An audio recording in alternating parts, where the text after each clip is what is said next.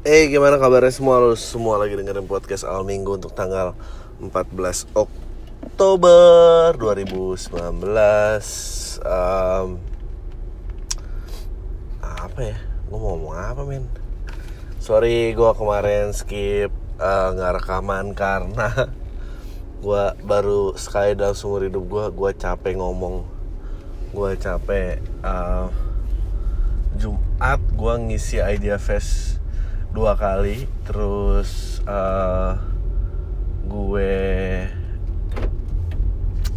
apa namanya Sabtu spesial di Bandung. And then Minggu gue ngisi Idea Fest lagi gokil sih. Dan gue kayak anjing gue capek banget sih ngomong. Eh, dan gue cukup happy gitu karena all went well all went well. Uh, especially Bandung ya Bandung fucking amazing. Dan gue harap di kota berikutnya lebih keren lagi. Uh, Sabtu ini di Dafam Yogyakarta. Open gate jam 7 tiket dapat dibeli majelis lucu indonesia.com Em, apa namanya Eh, Bali tanggal 2 Jakarta tanggal 9 Bali kayaknya masih banyak. Jakarta juga tinggal dikit lagi beberapa ratus lagi. Hopefully uh, got sold out. Um, um, apa ya? Eh I don't know man. Gua ah, yang masih hangat tuh RUU KUHP I don't know how things will unfold it's just such a scary time you know? Kayak eh, nggak jelas gitu. Eh gua ada kalau salah pasal berapa ada orang yang nulis di I don't know Comcast atau Google Podcast bar panjang-panjang panjang yang bilang bahwa you know what bang? Lo mesti nggak ngomongin hal seperti itu yang lo nggak ngerti. Lo mesti baca dulu RUU KUHP Ah, eh, apa? Terus dia komentar eh, itu kan apa tentang aborsi hitungannya zina apa segala macem. Terus dia ujung di bawahnya gitu. Saya juga belum baca lengkap sih. Anjing lah lu belum baca lengkap lu di sini gua ngepet lu. You know some people are just full of themselves. Ada yang email gue seneng banget sama eh spesial di Bandung jokes are great sampai kepikiran dibawa pulang. Eh, beberapa udah gue denger di podcast tapi gue baru sekali ngeliat bentuknya concise. Eh, terus kalau bisa joke yang ini dibuang aja. Who the fuck are you? God like gue penasaran sih lu di dunia nyata tuh kenapa sih? Kenapa sih? Hah yang yang yang bikin gue patah hati tuh karena mungkin aja orang-orang kayak gini jatuh cinta. Dan orang-orang yang menjadi pasangan itu harus mengerti gitu bahwa dia kayak gini peringainya. Nggak kebayang sih gue nggak kebayang sama sekali. Um, yeah like understand. It's my show it's my podcast. Lu nggak suka? Lu bahas dong ah ngomongin itu. Eh bener. Sebetulnya narasi harus dilawan dengan narasi gitu. Tidak perlu. Gua gua ngobrol banyak sama Kania. Eh gua pengen dia cerita rasanya demo di tengah-tengah itu karena gua nggak dateng. Eh, she's young like she's 24 Eh, banyak youtuber yang nggak turun ke jalan. Eh, it's nice to see new faces gitu bahwa the torch has been passed on gitu for generation the generation gitu kayak main dari 98 ke 2014 gitu. Uh, dia dia sepakat sama gue ya udah free market aja semua akan membenarkan dirinya pada saat masing-masing gitu. Uh, uh, terus apa namanya ya narasi lawan narasi nggak perlu nggak perlu ada pelarangan paham marxisme eh, nggak perlu eh, takut sama paham sosialis Karena you know why? Karena it doesn't work. But you have to know why it doesn't work, why it has some good things, it it has some bad things gitu. Orang-orang tuh kayak ya nggak tahu ya. Ya nggak tahu aja gitu gue bingung gitu takut takut ngelawan gitu. Maksudnya terus dia brought uh, apa ya narasi-narasi tidak perlu ada penghinaan agama tidak perlu ada uh, penghinaan presiden penghinaan terhadap pemerintah. Look look how, apa yang terjadi yang melap, melaporkan uh, cuitan tentang Wiranto ditusuk gitu. Semua orang itu dilaporin men kecuali buzzer yang dukung rezim ini. Anjing rezim. Gue tuh kayak udah kayak fuck it. Udah lalu jadi presiden lima tahun lagi kita kita cari lagi. Udahlah apalagi sih? Kayak but gue ya. Udah gitu maksudnya. Make it believable lah. There's so many stunt. Cuma boleh ada siapa sih waktu itu tuh yang mau diperiksa KPK terus dia nabrak terus palanya benjol terus menolak datang ke sidang like how? Gila men. At least dulu zaman Soeharto ya. They have the decency untuk gak kelihatan stupid gitu. Gak kelihatan stupid. Ini tuh kelihatan stupid. Semua lah itu sama aja. Yang pegang-pegang peluru anjing. Gue like gue tuh menyesal ya. Gue ngobrol sama Kania tentang ILC uh, eh, terus uh, kita dan gue bilang kayak kenapa lo masih ya gue masih merasa gue punya tanggung jawab untuk menanyakan sesuatu bla bla bla bla but you know apa sih yang diharapin dari pertelevisian? Gak ada. Dan gue gak gue nyesel gue nyesel banget di Q&A gue bersikap anarko. Temen gue kemarin lu juga anarko banget sih. Semua orang bilang butuh gue doang bilang enggak anjing gue ditinggal sendiri di pertarungan. Um, it's gue lupa quote siapa revolution is never televised. Kecuali lu lakuin kayak joker gitu nembak ayam mama dedeh gue tembak the door baru tuh bah but everything revolution to happen on the street. Seperti kemarin yang diupayakan oleh adik-adik saya. Man it's sad you know bahwa generasi gue nggak sempat ngelakuin gini. Mereka sempat. And I hope gue yakin uh, orang-orang uh, yang bisa membawa masa pada saat itu uh, dan muslim dan coki included ya gitu. Katanya men kelihatan banget Chandra Liao uh, youtuber tuh masanya tidak uh, bisa diidentifikasi. Tapi masanya ML itu keren tuh pada pakai kaos sia hia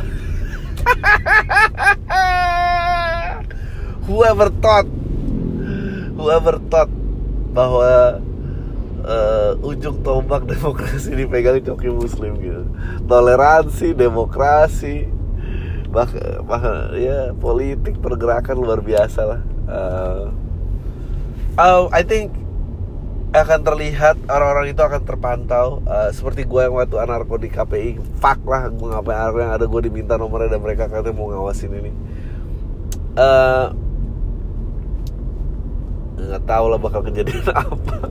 Mau nyesal gue anarko be under the radar. I always gue mesti harus selalu di bawah radar gue ngapain jeopardizing kerahasiaan ini demi I don't know demi apa? Uh, terus apa namanya uh, ya si oh oke okay, anyway gue mau balik lagi. Uh, orang-orang tadi bakal dipantau. Uh, I think uh, bahkan juga mungkin dia diajak mengikuti partai. Uh, you gotta be the agent of change. And when that happen remember demo yang lo lakukan pada saat itu man. karena I've seen people change karena berdasarkan uh, apa namanya uh, setelah ada power uh, uang kekuasaan uang uh, dan juga dalam sistem yang terjebak oleh mana lo gue nggak kebayang perjuangan kayak apa.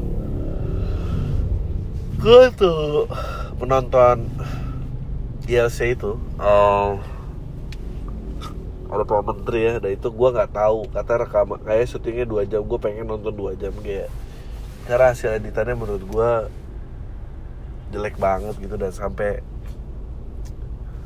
uh, sampai kelihatan banget gitu kalah kalah setting gitu kalah setting debat gitu.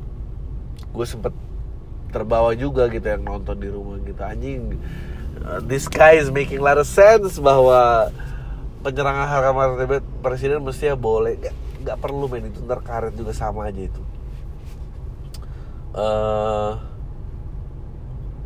apa namanya ya mentality gue pas abis itu dia ngomong e, saya ini orang Sumatera saya kalau ada ibu saya dikatain saya anak pelacur saya akan kejar sampai lihat itu semua orang tepuk tangan fuck lah kalau gue akan terus saya gebrak meja aja nyet, terus hubungannya apa? Ya, lu kejar aja But that mean it should be allowed gitu dong.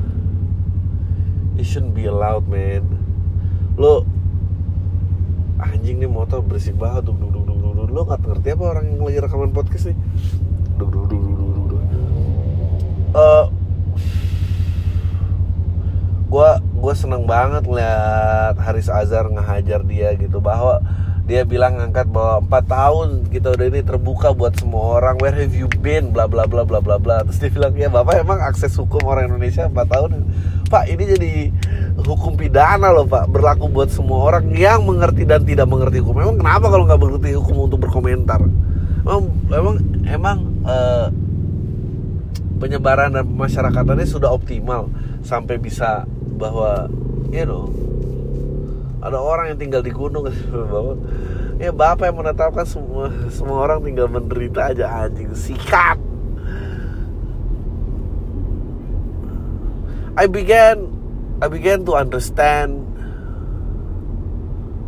why rule is needed.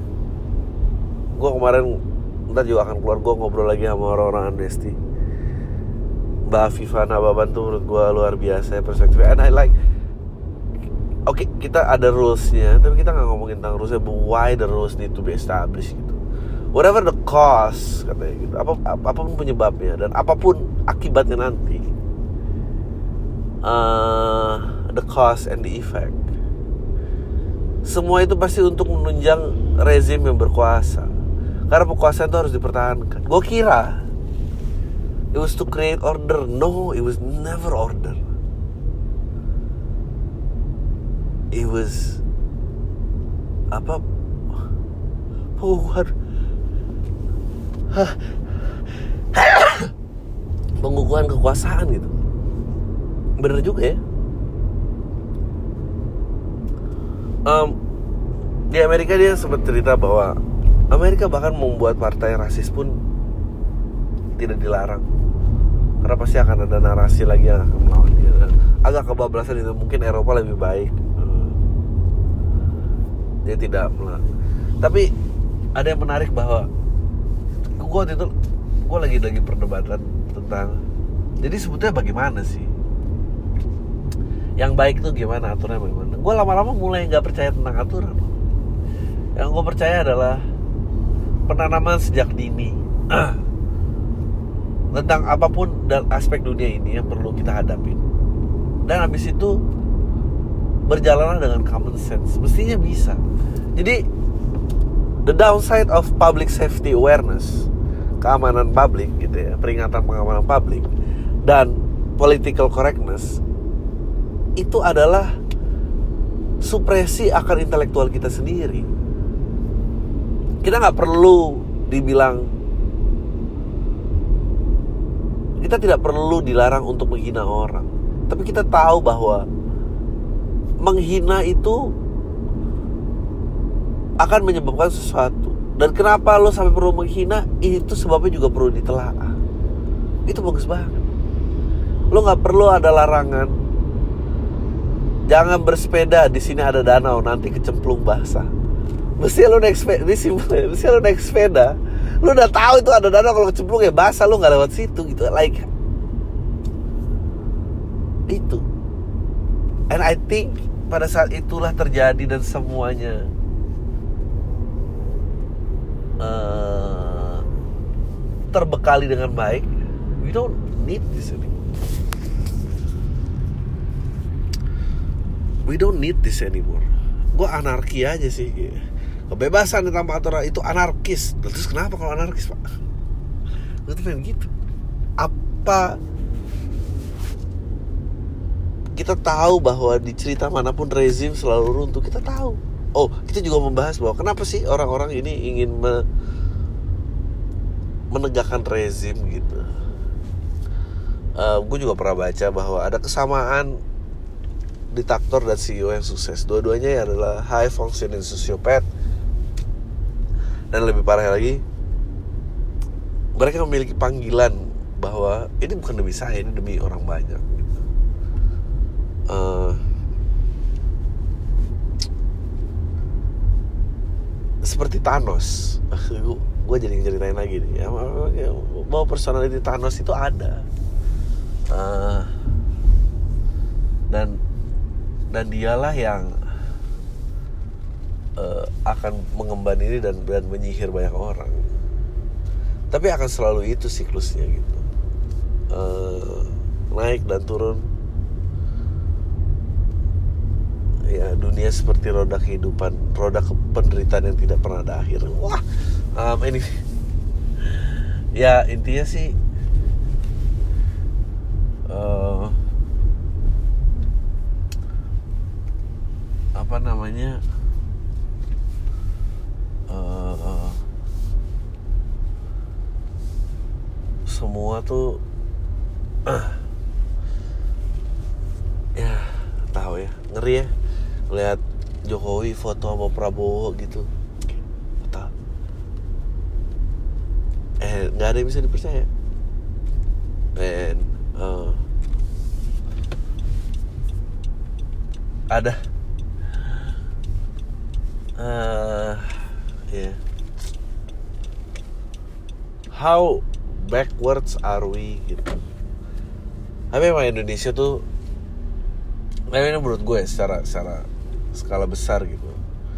Indonesia baru mengalami demokrasi 98 eh, kebebasan media pun 98 uh, eh, pencoblosan presiden langsung itu di tahun SBY SBY itu tahun 2004 and we will we will see how democracy will fail. Karena ternyata uh, uh, sistem pemerintah tuh akan terus berputar. Dia akan dia akan bergerak dari monarki and then menjadi uh, re regime and then demokrasi dan abis itu aristokrasi aristokrasi. If I'm not mistaken ya.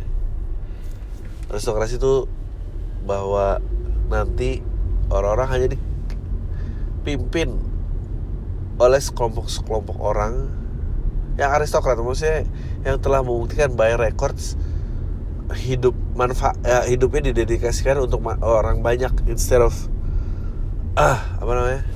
Instead of uh, diri sendiri. Tapi kan habis itu nggak lama pasti akan menjadi pengkultusan penabian kembali and then kembali lagi jadi monarki. Ah makanya that's why raja-raja itu selalu merasa dirinya keturunan yang agung uh, habis itu raja akan diruntuhkan lagi uh, and then rezim berkuasa rezim akan diruntuhkan lagi rakyat yang katanya seolah-olah rakyat berkuasa. And then aristokrasi gitu. Tapi kita cuma kayak dua kalau dihitung dari 98 21 tahun. Lu bayangin KBBI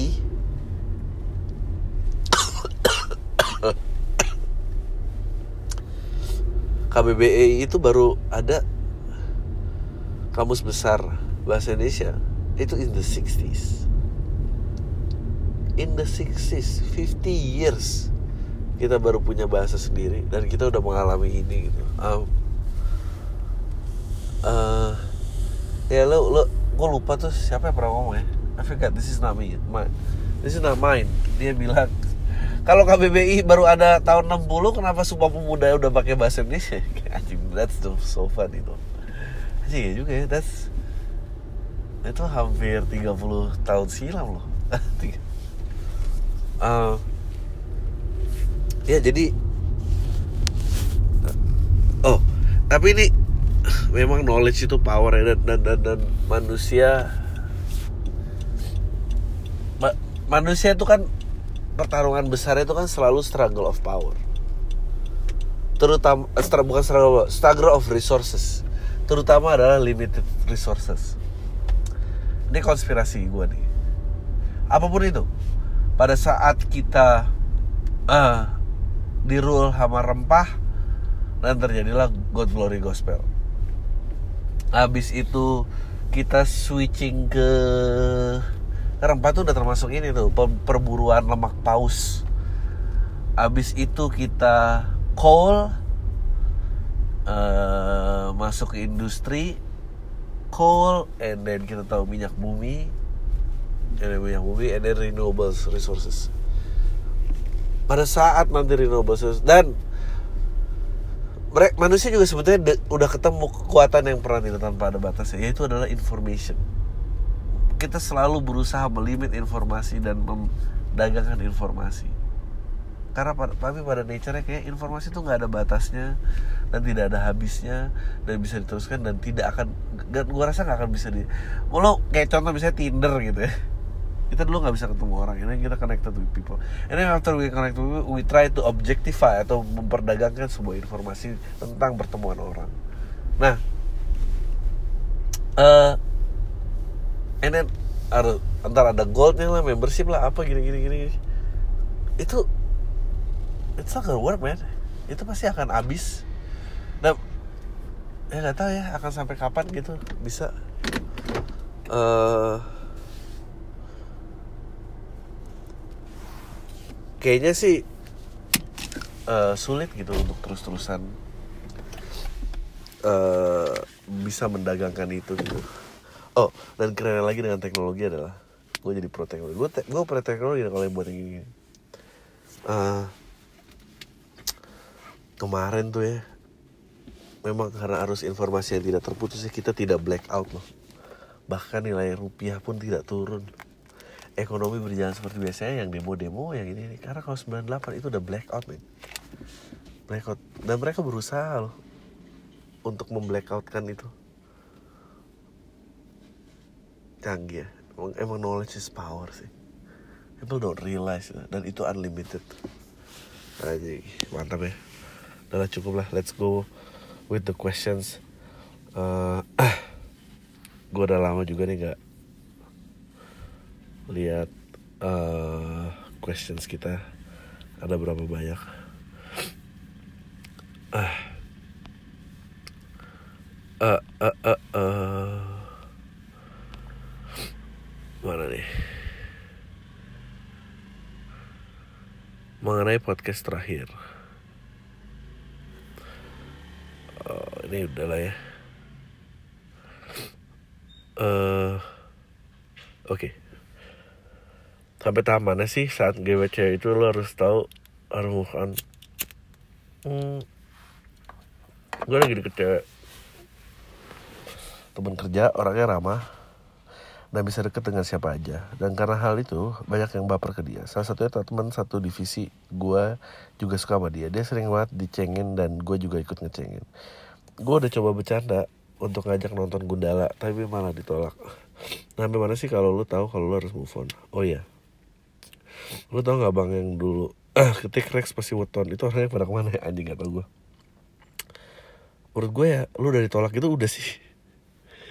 Udah sih gue menurut gue eh uh, ya itu udah sulit banget mau diapain lagi kalau mau sih sekali lagi sih tanya pakai serius. Eh gue serius ini lu beneran nggak mau apa mau biar gue juga punya jawabannya sedap.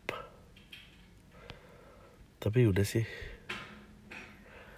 Uh, uh, uh, aduh gue pilek banget ya anjing. Kenapa sih gue pilek banget? Mana lagi nih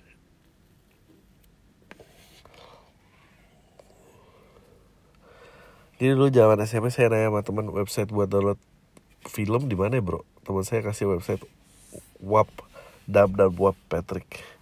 Saya tuh pulang dan search di Google dan saya itu saya masuk website dan website, website itu kayak pedagang kaset yang memiliki seribu kaset terus 200 kaset film biasa sih saya 800 kaset bokep. Terus saya mikir, ya teman saya salah kira karena saya maksudnya website download film itu kayak film Avengers sebenarnya bukan bokep setelah itu saya nonton Pokemon sejak itu saya coli sampai sekarang 2019 fuck gimana cara berhenti coli? Nggak tahu. Nggak tahu men. Oh.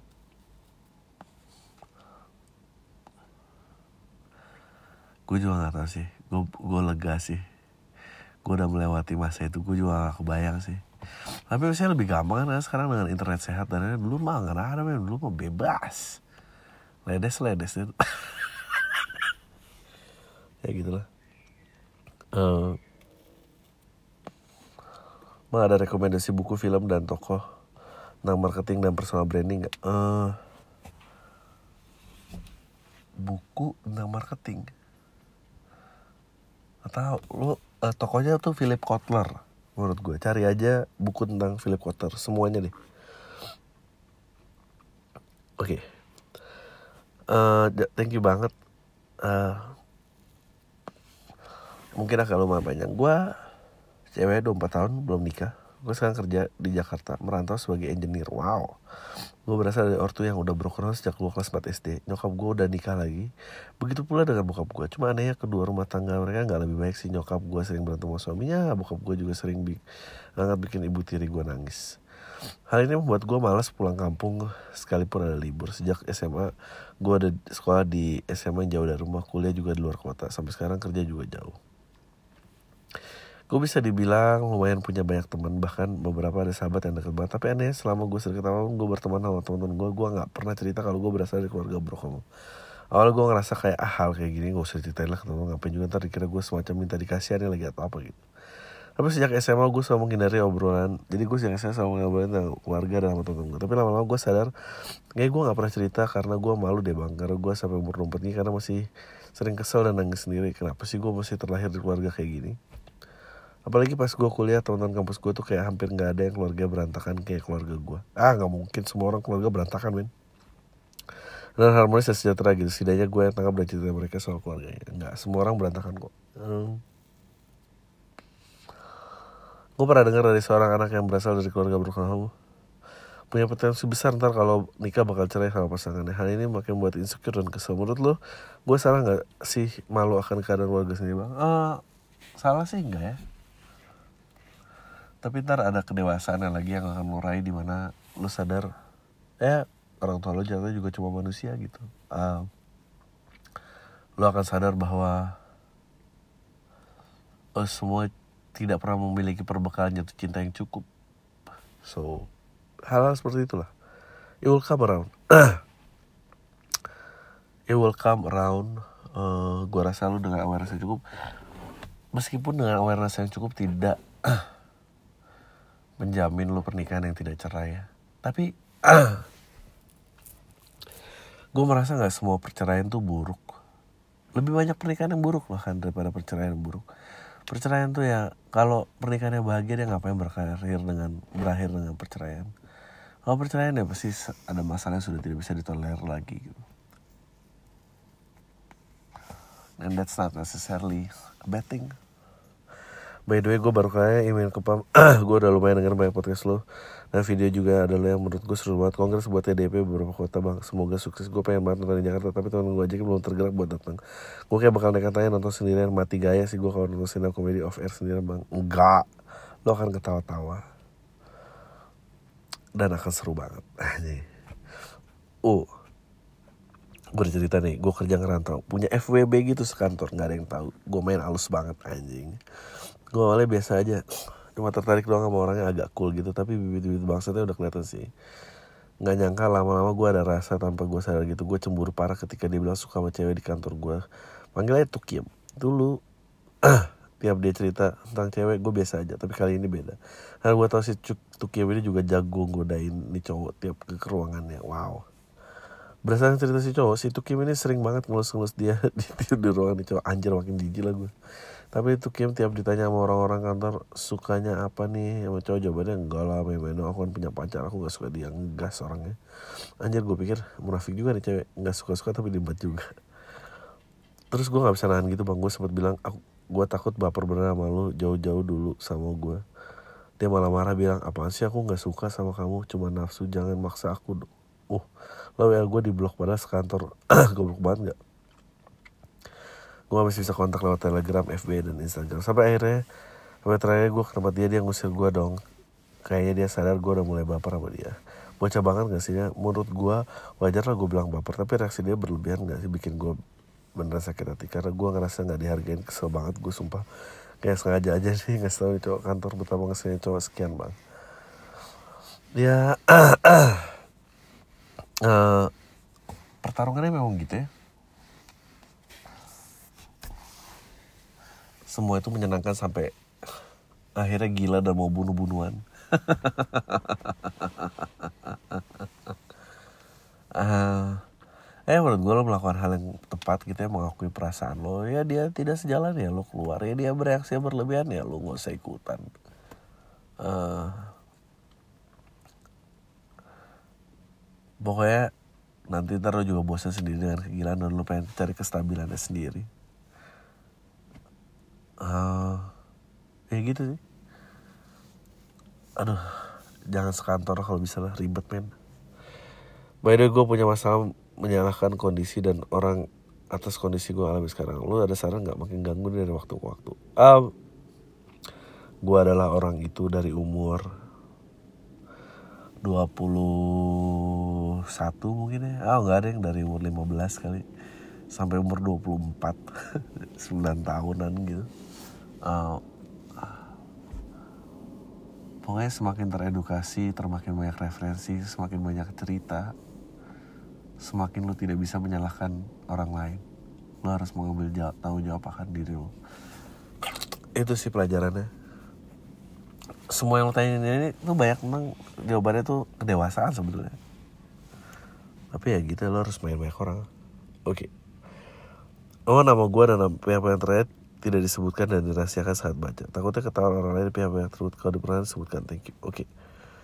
gue umur 27 tahun di Jakarta. Gue bekerja sebagai freelancer bidang desain interior. Sambil S2 juga sejak sudah masuk tahun terakhir. Mantap Gue udah jalan kerja sejak tahun 2017 Gue udah tiga tahun kerja di biro arsitektur dan interior Sehari-hari gue kalau kerja bisa di mana aja rumah, kafe, tempat lainnya. Kadang sendiri, kadang-kadang sama teman seprofesi. Sejauh ini, sejak lulus 2014 gue udah bisa nabung. Yang jumlahnya kira-kira udah bisa beli mobil city car yang murah lah. Dengan jumlah tabungan ini, tabungannya full hasil dari kerja gue Gue belum pernah pakai tabungan gue untuk investasi bisnis paling udah pernah pakai untuk akomodasi dan operasional sehari-hari. Beli gadget buat menunjang kerjaan gue dan buat liburan gak sering-sering banget. Gue udah punya rencana bikin baru usaha CV atau PT depan sih. Setelah S2 beres. Mantap. Supaya bisa lebih settle dan menunjang karir gue ke depannya. Jadi itu tadi sekedar latar belakangnya. Masih belum masuk ke inti permasalahan. Singkat cerita kemarin gue terkena musibah yang menurut gue paling berat di hidup gue jadi gue kemarin order uh, untuk dikirim ke rumah dapat mobil dari driver tiba-tiba telepon masuk dan nomor nggak kenal. Orangnya aku ya dari perusahaan tersebut bilang kalau drivernya barusan terindikasi oknum penipuan. Kemudian gue diarahkan untuk ganti nomor email dan akun sementara supaya driver itu nggak bisa menyedot saldo karena gue agak-agak nggak fokus sambil kerja dan lain-lain itu modalnya gue nurut-nurut aja. Wow. Cek ini cek itu sampai terakhirnya gue KTM dekat rumah untuk transfer virtual account intinya dia bilang untuk mengamankan saldo supaya untuk tersebut jadi dikosongin sementara dulu nah selama tahun orang ini terdengar begitu meyakinkan sih nah prosesnya berbelit-belit sampai uh, berbelit-belit sampai pada akhirnya gue mulai agak sadar ada yang nggak bayar sama gue tetap nggak bisa nyelesain percakapan telepon tangan gue kayak nggak bisa lepas dari handphone di kuping. Kalau mau gue matiin teleponnya juga nggak. Ada penjelasan proses selanjutnya gimana? Uh, setelah akhirnya selesai gue berpikir banyak browsing dan kejadian baru gue ambil. Dan ternyata ini patut diduga penipuan via online. Gue udah coba ke customer customer perusahaan itu hasilnya positif gue sebagai korban penipuan. Gue cek selalu rekening gue habis banyak cuma belum kehitung karena berasal dari tiga rekening. Karena semakin stres gue akhirnya ke kantor polisi yaitu Polres untuk laporan kasus pelanggaran pidana pas di kantor polisi gue diminta hitung total kerugiannya. Dan setelah gue itu mencapai buset deh. Ratusan juta ya gue gak usah sebut lah. Sisanya tinggal puluhan ya. Gue semakin stres ditenangin polisi saya dikasih minum diminta tenang sebelum nulis nulis laporan. Gue merasa bodoh sial banget. Memang salah memang mungkin kalau orang-orang yang mengalami kejadian seperti ini seperti kalau gendam hipnotis sesuatu itu nggak benar. Begitu pun gue tanya-tanya polisi memang gendam atau hipnotis itu sebetulnya korbannya sadar tapi dengan kekuatan omongan dari pelaku mainkan psikologis dan emosi korban jadi korban akan melakukan apa sih yang minta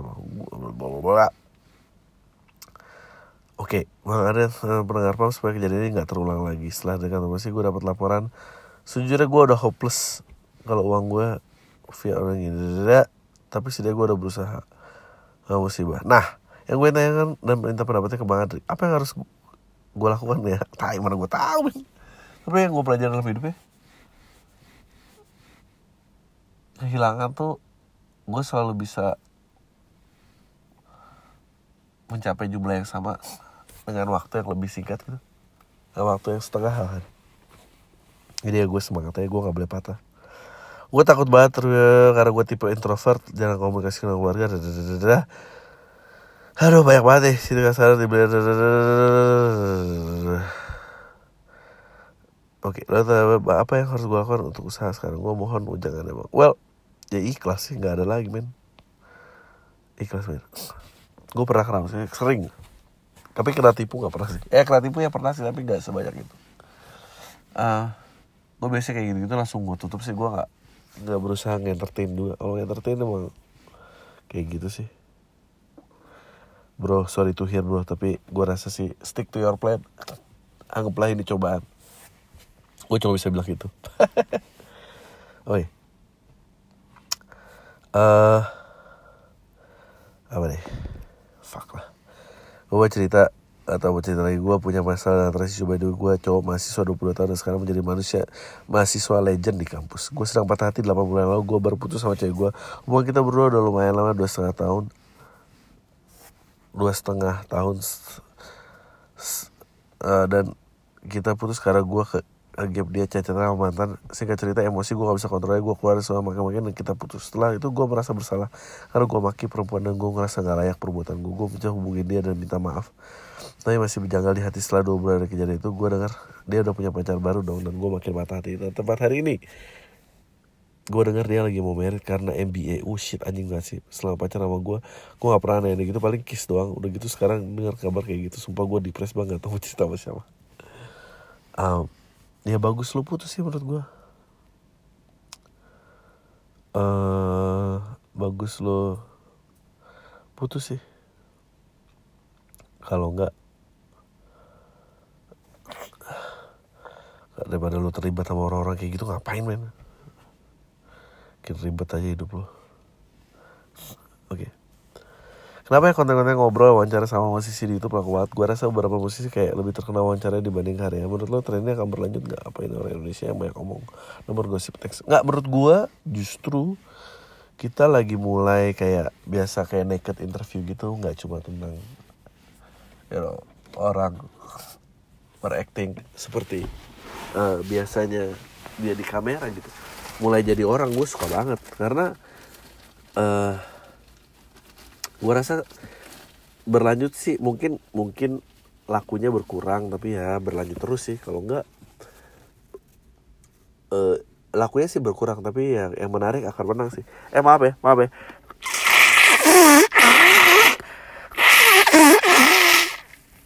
Nah,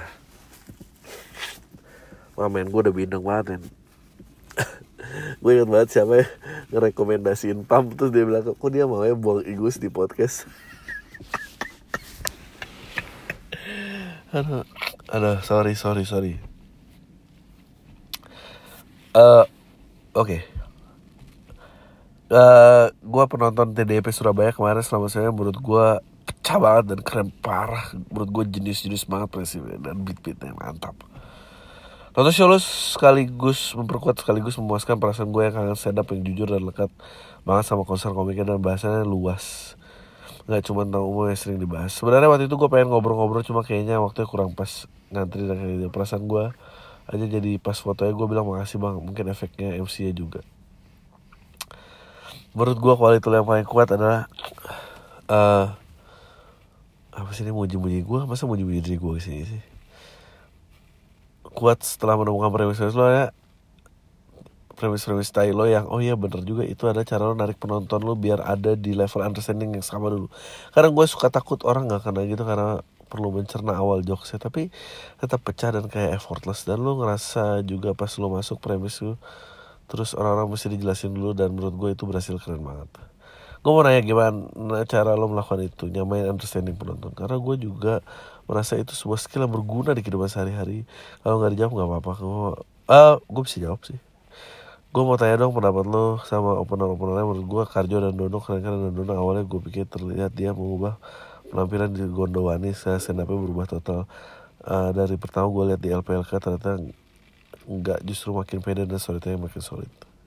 Ah Dono dan Karjo menurut gue sangat luar biasa ya. Uh, gue justru actually takut sama mereka. Menurut gue waktu LPLK di Surabaya they are, they are a better performer daripada gue uh, oke okay.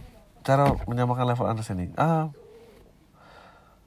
dalam menulis esai itu dulu ada rules di mana tulisan lo tuh harus bisa dipahamin oleh anak 5 SD apa pun tulisannya seberapa pun berat uh, topik lo Oh, jadi gue menggunakan itu. Jadi gue nggak apa-apa mengambil waktu untuk menjelaskan lebih banyak. Tapi harus bisa dibayar sesudahnya gitu. Jelaskan aja yang panjang dan lo harus bisa membedakan uh, pada saat mereka diam dan mendengarkan sama mendiam itu nggak lucu gitu. Jadi kalau diam kalau dia perhatikan diam aja dan kalau perhatian lepas lo harus mulai tarik lagi dengan trik-trik kecil, apalah small jokes atau apa gitu-gitu sih uh, kalau emang itu yang dibutuhkan untuk menjelaskan dan lakukanlah karena itu bagian dari cerita kedua nggak itu itu sebetulnya yang kedua. Yang pertama adalah selalu punya yang ingin diutarakan. Jadi bukan cuma tentang menarik perhatian. Lo harus tahu dulu apa yang mau diucapin. Semoga semoga terjawab ya. Aduh. Oke. Okay. uh, ini email ke gue. Langsung aja bang gue kesel banget gue habis kenal dan dekat sama cowok di Tinder akhirnya tahu bahwa cowok ini udah deket sama cewek lain yang udah lama banget bertahun Sementara posisinya gue sama cowok ini baru hitungan bulan kan. Tapi gue tuh deket banget lah menurut gue. Dia sama gue bener-bener cocok lah dari segi apa pun. Karena pengaruhnya baru kenal atau gimana. Tapi yang jelas, singkat cerita pas gue tahu dia secara cowok ternyata selama itu juga deket sama cewek gue tegesin dia maunya gimana sama siapa saya bilang gak bisa sama gue karena si cewek yang satu lagi tuh lemah dia suka butuh banget. Karena cewek kalau ditinggal suka nangis nangis sampai kasihan dan sering sakit. Kalau banyak pikiran. Jadi cowok nih gak bisa ninggalin cewek ini. Gimana pun perasaan ke gue gue marah sih. Goblok. Gue juga emang gak bisa percaya alasannya. Tapi kalau emang beneran gue makin marah sih sama si cewek. Menurut lo gimana bang sama si cewek itu? Gak menurut gue gak ada hubungan sama cewek itu. Hubungan cowok itu. Cowok itu harus bisa tegas. Tinggal aja sih menurut gue gue udah biasa aja cowoknya udah gue blok ya udah dong. Gak berubah ya iyalah. Tapi first place tapi ya, beberapa puluh cewek dia harus nggak main tinder dong ngejalin hubungan sama cewek lain. Lucu banget. Lucu banget lucu banget lucu banget. Lucu banget men. Uh, mana ya Gue mau tanya kalau lu bikin podcast monologi ada survei baca-baca dulu gak sesuai sampai nggak spontan. Gue bisa 23 September mantap sih politik. Pas ibu kota pindah, kalau ada rujuk nama bakal rame gak? Oh, gak serame itu. Menurut lu RU yang lagi tren ini terkesan kejar setoran gak sih? Kejar setoran gila. Hah. Udah berapa menit sih? Gue capek nih. Oke. Okay. menit lagi lah. Bindeng nih. Oke. Okay. setelah 4 bulan gue dengerin podcast lo dari awal anjing beres semua sampai episode. Gue telan walaupun ada yang berapa nggak konsen gue dengerin belum kerja. Saya mau memberikan prolog untuk lo gue ham gue hampir satu dekade lebih muda daripada lo terima kasih banyak gara-gara lo sering dengerin virtual insanity terima kasih juga gara-gara lo gue jadi nonton Black Mirror. Uh, tinggal kurang baca buku Sapiens untuk mengalami Adriano Kalbi starter pack. Anjing lucu banget. Lucu banget. Gue pengen ngobrol ketemu sama lo Uh, coba teman bertukar pikiran If strangers meet up on the road If you ever like the idea We can meet up Just talk di daerah Jakarta Selatan I know it sounds Somewhat creepy Yes creepy uh, uh, Intrik in memory back bro. Mau lo pernah buka ke Zergas gak? Youtube ini Bahasa mereka bagus-bagus Ntar gue buka deh Sama soal inspiring for months Gue tertarik dengan konten podcast lo Walau ada yang cuma 30 menit dan ada yang juga 2 jam. Kalau gue rela gue nonton stand up lo karena gue justru belum pernah nonton stand up nonton dong stand up gue anjing. Uh, oke okay, gue pernah chat cewek. Dan dalam chat itu gue minta dia buat isi suara dalam konten yang lagi gue buat. So gue belum kenal tuh cewek sebatas tahu. Gue langsung to the point. Singkat cerita cewek ini nolak dan blok gue dan saya cewek itu pindah ke kelas gue goblok. Beberapa hari kemudian gue cerita ke teman gue lalu gue sama temen gue ngestok sosmed dia dan sialnya ke like fotonya. Karena panik gue berniat untuk like semua foto biar nggak dikira stok sialnya HP gue rada error malah mencet unfollow. Karena gue sama ini masih kayak diem dieman gitu bang gue banyak ngobrol gak enak. Karena gue udah pasti cap gaji. Ada saran gak gue udah telat. FYI gue gak suka masih ya kalau lu gak suka udahlah tinggalin aja. Lu udah gak suka dianggap creepy buat apa lagi? Lu mendingan tinggal aja. Gaji itu apa sih? Gak tau Menurut abang pada umur berapa orang udah jadi dewasa? 18 24 ya Rela mau ngalah dengan tulus Seperti gue mau ngalah tapi gue gak terima. Ah, I, don't know man. I don't know. Banyaklah belajar memperdalam agama. Halo bang, gue mahasiswa di kuliah Belanda. Mantap. Kemarin gue nyoba jadi MC untuk acara kumpul di kampus. Umur gue mostly introvert hidup sendirian dan jarang jadi pemimpin. Tapi kemarin senang lah iseng buat ditaruh di CV sebenarnya greget-greget seru juga sih bang. Ini video orang-orang suka orang gue suka salting kalau ada yang interrupt gue ngomong. Kayak misalnya gue ngomong ya yang cewek-cewek yang baru di samping gue ya yang ternyata anjir modus nih. Gue otomatis dengar dengar gak jelas. Padahal gue agak ada maksud modus. Ya lu bilang aja enggak gue gak modus gitu. Terus pada terus langsung dicelotin anjir bener kan? Terus ada yang ketawa gue gak tahu mau apa lagi. Ada pengalaman gak bang kalau public speaking terus ada yang intra bikin awkward reaksi apa. Adepin aja. Jangan lari adepin aja. Napas adepin napas dan adepin thanks bang. Podcast buat gue fokus belajar nggak terlalu penting buat fokus di negara tapi berfaedah. Dan Instagram. Mantap. Mantap bung uh, oke okay, ntar lagi ya. Capek gue meler Jangan sebut nama sedikit cerita dari gue Jadi gini, gue semacam pengakuan dosa di cerita. Ceritanya gue adalah mahasiswa usia Oh shit.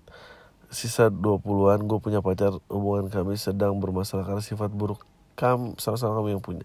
Singkat cerita di, latar belakangi kondisi gue kenal sama cewek di sosial media. Dia DM gue duluan katanya sih karena penasaran Bahkan dia minta nomor whatsapp gue dan setelah obrol berlanjut gue liat karakter dia jauh berbanding terbalik sama pacar gue sekarang yaitu santai dan ya agak nakal dibanding cewek gue yang anaknya tergesa-gesa dan akademis banget. Hingga singkat cerita gue atur sebuah pertemuan sama si cewek. Dan kami pun setuju buat ketemu. Sambil nunggu pertemuan itu gue tiba tiba gue dengan jahat ngebayang apa gue bisa cekin dengan cewek itu oh, mantap nih. Sampai hari pertemuan itu tiba dan berjalan baik gue di akhir dengan mabuk dan akhirnya gue cekin sama dia walaupun gak sampai pagi tapi gue rasa dia menikmati cie gitu. Uh, kemudian besoknya dia nggak balas juga sosial media gue pun diblok padahal di jalan sebelum cekin dia santai dengan fakta bahwa gue punya pacar. Terus cekin bilang ayo kita agendakan yang lagi yang kayak gini. Sebelum dia keluar mobil pas gue antar pun dia cium bibir gue bang. Haha karma aja rasa gue yang di awal pengen nasu doang terus dia tinggalin sama dia dan tinggalin gue. Dianya punya perasaan eh malah gue yang tinggal gini.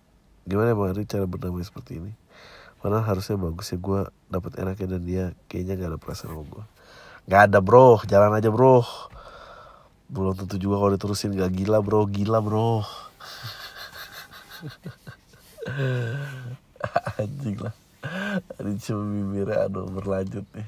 Ya ntar mungkin juga nggak di unblock kali. Tahu gue ngerti men. Masalah blok blokan itu.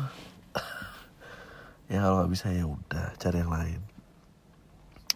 Udah ini terakhir lah hidung gue udah mampet nih bangset Oke, gue udah pacaran 4 tahun, gue juga udah sadar hubungan gue tuh nggak sehat. Misalnya pas gue ikut kuliah lapangan tiba-tiba mantan gue marah sampai nggak ngebolehin gue pergi. Masih banyak lagi hal lain yang dilarang ke gue, sampai gue akhirnya nurutin gini itu nggak ikut dengan alasan gue sayang sama dia. Karena gue juga yakin dia ngelakuin itu ke gue karena dia juga sayang. Eh tapi emang pas kemarin anniversary 4 tahun, gue dia tiba-tiba ke Pangandaran dengan alasan dia mau nemenin kakaknya. So karena alasan itu gue ikhlas gak apa-apa tuh. Dia juga kakaknya eh 25 hari kemudian gak sengaja. Gue gap dia instastory ke temennya. Dia ada hari anniversary 4 tahun. Pada hari anniversary itu dia bilang ke gue mau nemenin kakaknya pulang. Eh ternyata dia liburan sama temen-temennya sama cowok-cowok yang parah dia bersama-sama sama cowok lain. Ya jelas dong gue benar-benar sakit hati dengan perlakuan dia ke gue gue gak ngelakuin apa yang dia suruh ke gue tapi dia gak nerima gue salahin. Padahal dia maksa. Alhamdulillah sekarang gue udah putusin dan gue mau minta pendapat lo tentang keputusan gue ambil dan kalau lo jadi gue akan lakuin apa. Ya lo udah ngelakuin hal yang benar kenapa masih nanya? Please lah yang email email ke sini tolong disaring dulu sebelum nanya. Nah itu aja dari gue tayo lo semua. Deh